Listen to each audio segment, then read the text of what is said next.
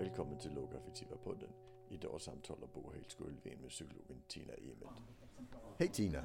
Hej Bo! Du heter Tina Emet Ja, det stämmer. och du är psykolog. Ja. Ja. Du sysslar med lågaffektivt bemötande, du med? Ja, jag gör ju det. Ja, i Dalarna. Ja. Vad, vad var det som gjorde att du tyckte det var kul att börja jobba med? Ja, men det var nog under min tid som skolpsykolog.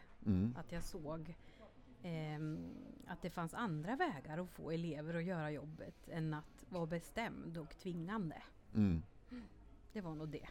Det var i samband med det jag kom och såg någon av dina föreläsningar i Falun. Ja. Så, så det innebär att det egentligen inte handlade om, om, om alltså kriser och konfliktsituationer utan mer den pedagogiska delen. Ja, att det finns andra sätt att göra det här på. Ja.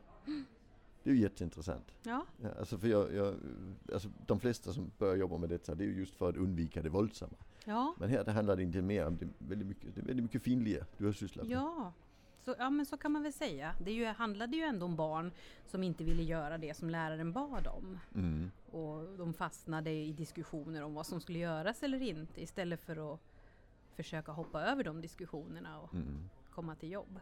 Mm. Mm. Och hur tycker du det här sättet att tänka blir meningsfullt då?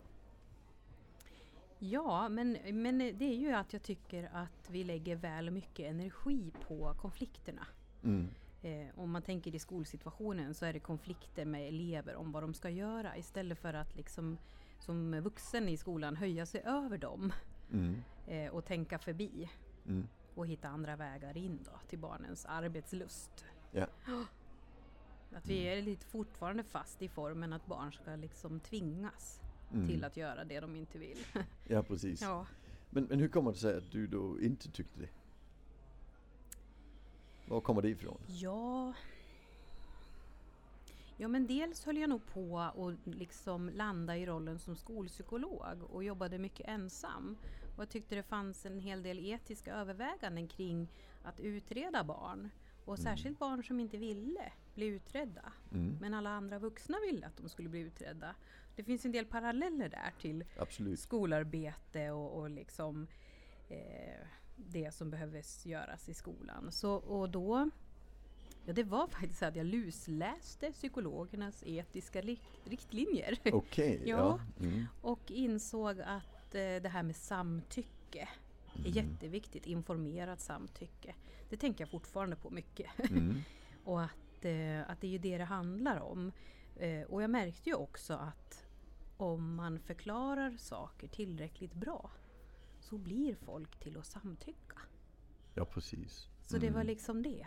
Och då när man för över det här till skolan och skolsituationer när elever inte ville göra uppgifter så, så kände jag att det fanns någonting som liksom skorrade etiskt i att eh, i skolsituationen tvinga barn att göra arbete. Mm. Eh, så det här med samtycke handlar mycket om begriplighet Mm. och delaktighet. Och om vi psykologer har en skyldighet att arbeta så, eh, så borde, och det verkar funka så borde man ju kunna överföra det till skolsituationen. Ja, precis. Ja. Mm. Det du pratar om det är ju då en rättighet Mm. kan man säga som inte ligger i de här mänskliga rättigheterna. Att rätten att bestämma över sig själv och hela den biten. Upplever du att det kommer därifrån eller, eller var det mer praktiskt orienterat? Nej men det handlar ju mycket om värderingar. Alltså Mm. just att eh, Ja, för man pratar ju mycket. Jag kommer från landstinget, från sjukvården och där pratar man ju ändå om samtycke och där var jag fostrad med att människor hade rätt att läsa sina journaler och att man skrev respektfullt om dem man skrev i journaler. Mm. Eh, så det blev också en skarp kontrast till att vi inte gör det här eh, gentemot barn Mm. på samma sätt. Och eh, det är väl det jag har funderat mycket på. Varför inte mänskliga rättigheter omfattar barn. Ja, precis. I, i, för det är ju helt överförbart Mm. Egentligen. Det som vi gör mot vuxna och förväntas göra gentemot vuxna. Det är, det är bara helt överförbart. Men skulle du kunna säga att det är lite hippieaktigt? ja, Vad kanske. tycker du om det? Jag är ju född på 70-talet. så ja, att, eh, Jag vet inte hippieaktigt, men fredligt. Mm. Jag tänker ofta att lågaffektiv metod är, det det är någonting fredligt Mm. och förlåtande. Mm. Så kanske är lite hippieaktigt då.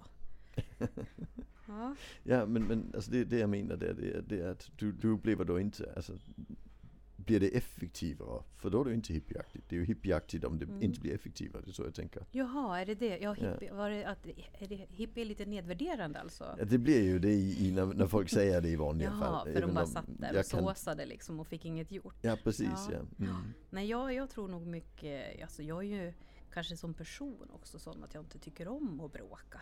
Mm. Så jag är ju gärna, jag är ju glad om jag hittar andra vägar. Mm. Det är ju inte så att inte jag får saker gjort. Nej. Nej. Eh, så jag tycker ju att det går att hitta så många andra vägar och nå målet. Mm. Det är du som sa, för många år sedan sa du inom skolans värld, alltså vi pratade om den goda manipulationen och att vi Ja i skolan kallar vi det för pedagogik. Ja precis. Mm. Så att jag tänker det är väl liksom den fina uppsidan med manipulering, det är att man kan använda den för att gynna människor. Ja precis. Mm. Ja. Mm. Mm. ja det är jättespännande. Eh, Mm. Det, det som jag tänker när du säger det, så det, Mm. det är just den här att jag är fortfarande väldigt förvånad att det är den mjukare delen. Alltså det är Mm. liksom det lilla. Här, men här kan vi jobba lite grann. Det är det som intresserar dig. Mm. Hur får vi honom att göra matte? Ja men vi kan göra Mm. så och sen gör Mm. jag faktiskt matte. Eh, Ut, när du kommer ut över den situationen, Mm. vad tycker du då att lågaffektivt bemötande blir, eh, alltså blir intressant? Mm. Ja, utanför den här pragmatiska... Nej, men utanför den där mm. skolsituationen. Ja. Och, f- alltså, att, Mm. du pratar lite om att du gillar inte konflikter och så. Men, Nej. men, men är det Mm. det fältet, den här vardagen du egentligen finns i? Är det, är det den som är det, det är intressant? För Andy McDonald pratar mycket om, om våldet. Och liksom, Mm, okej. du, du är mer intresserad i vardagen egentligen. Ja, men jag tänker, alltså, jag tänker om, på människor och hur Mm. vi vill möta varann. Alltså, det är det jag tänker att lågaffektivt bemötande är ju inte liksom kopplat till problembeteenden. Det handlar ju om hur vi tänker om varandra. Mm. Alla vi här Mm. ute och hur vi bemöter varann. Mm. Eh, så, så på det sättet så finns det ju i hela vår tillvaro så. Mm. Eh, ja, eller, jag förstår hur du tänker, ja. men tror du det går att, sprida det? Ja. I i en sorts bredare mening Mm. än de som söker det för att de har en svårighet som de Precis. vill lösa. Att Mm. lågaffektivt bemötande som större än en metod för att lösa problem. Ja. Eh,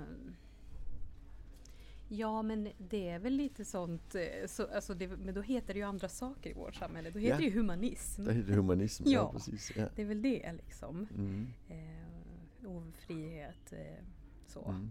Jag, jag pratade som en del av mitt forskningsprojekt, jag hade Mm. en intervju där en person sa så här att han trodde att det är nog så att när vi får ett barn, då är vi humanister. Mm. Och sen kan vi förlora det så småningom. För att det blir svårt. Och sen Mm. gäller det att få tillbaka det på något ja, vänster. det. Ja. Ja. Det lite så du tänker också? Att det är du, fast du är på den delen som handlar om att behålla det innan vi förlorar det.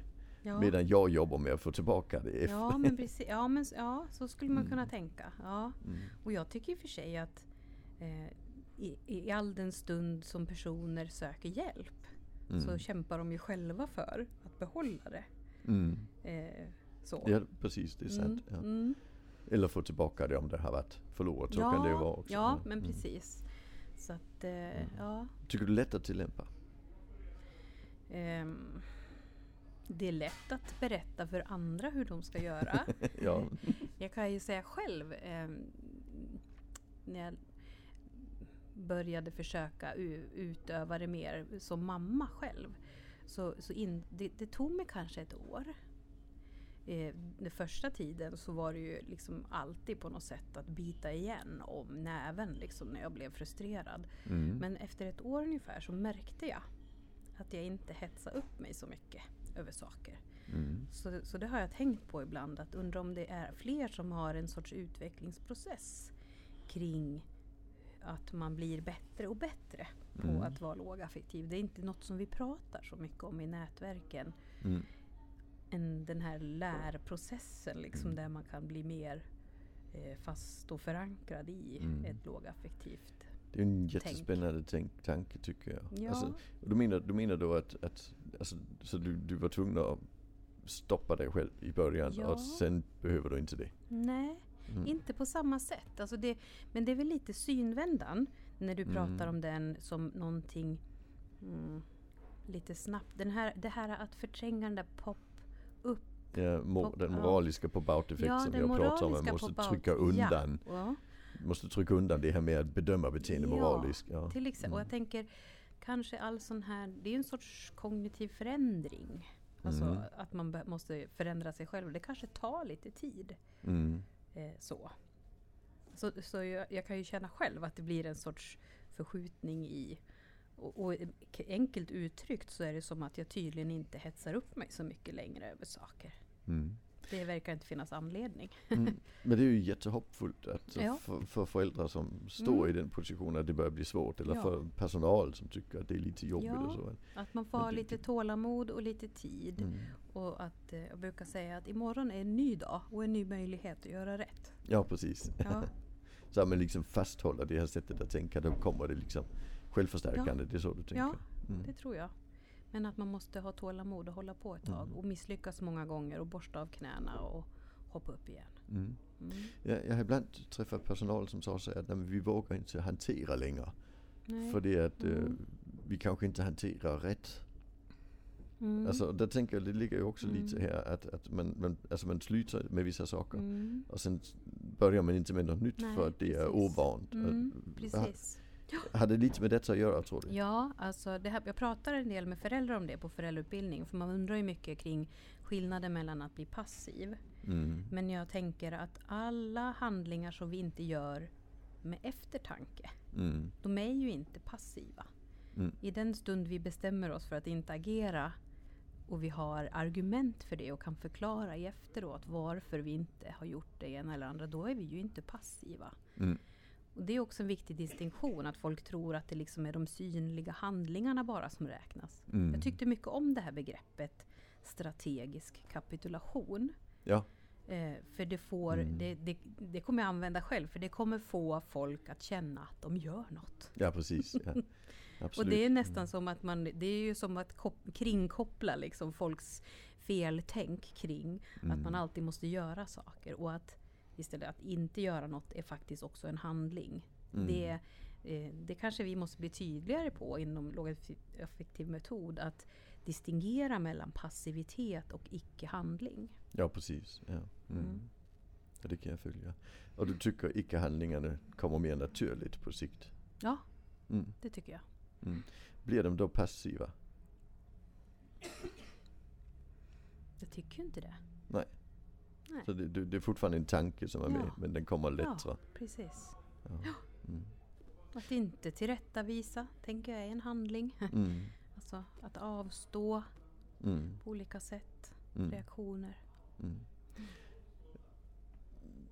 Hamnar du då ibland i den situationen som förälder eller som psykolog att, Mm. att, att det inte bara handlar om att inte handla. Det handlar om att om jag fortsätter den här tanken kommer jag handla.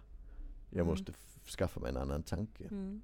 Ja. Är, är det den som är i början där som är svår eller? ja, men precis. Alltså, mm, om man går upp i affekt så är det lätt att följa med sig själv. Ja.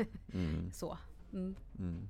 Så att eh, hitta andra, hitta sätt att avleda sig själv ibland. Mm. Eh, Prata med föräldrar om det. Jag tycker Tina Wiman har skrivit om det bra i Barn som bråkar. Mm. Just strategier för föräldrar. Ja precis. Mm. Eh, det är inte att underskatta alltså. Nej. Mm. Att, att, och att föräldrar får lite ödmjukhet för att eh, de också måste avleda sig själva ibland. Eller byta plats med en Mm. partner eller så. Mm.